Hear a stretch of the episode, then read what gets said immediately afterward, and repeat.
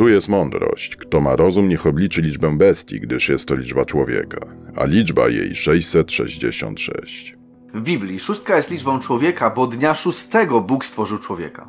Obecnie wyłania się na świat system polityczny w całości oparty na ludziach. Jego liczba jest liczbą przecież człowieka. I ta liczba wynosi 666, czyli człowiek, człowiek, człowiek. Trzy razy człowiek. Tak jak Bóg jest w trzech osobach, tak tutaj każdy aspekt Boży jest zastąpiony człowiekiem. Czy twoja religia lub system wierzeń, bo ateizm jest formą religii, opiera się na człowieku czy na Bogu? Czy więc centrum jest papież, święci im czy Maria, czy jednorodzony Syn Boży, Jezus Chrystus, który jest naszym Ojcem Odwiecznym? Nie pokładaj nadziei w ludziach, w osiągnięciach naukowców, w politykach, w lekarzach, ani nawet w sobie samym, a opieraj się we wszystkim, co robisz, na Bogu. I zobaczysz niesamowite tego efekty. Czas bowiem jest bliski.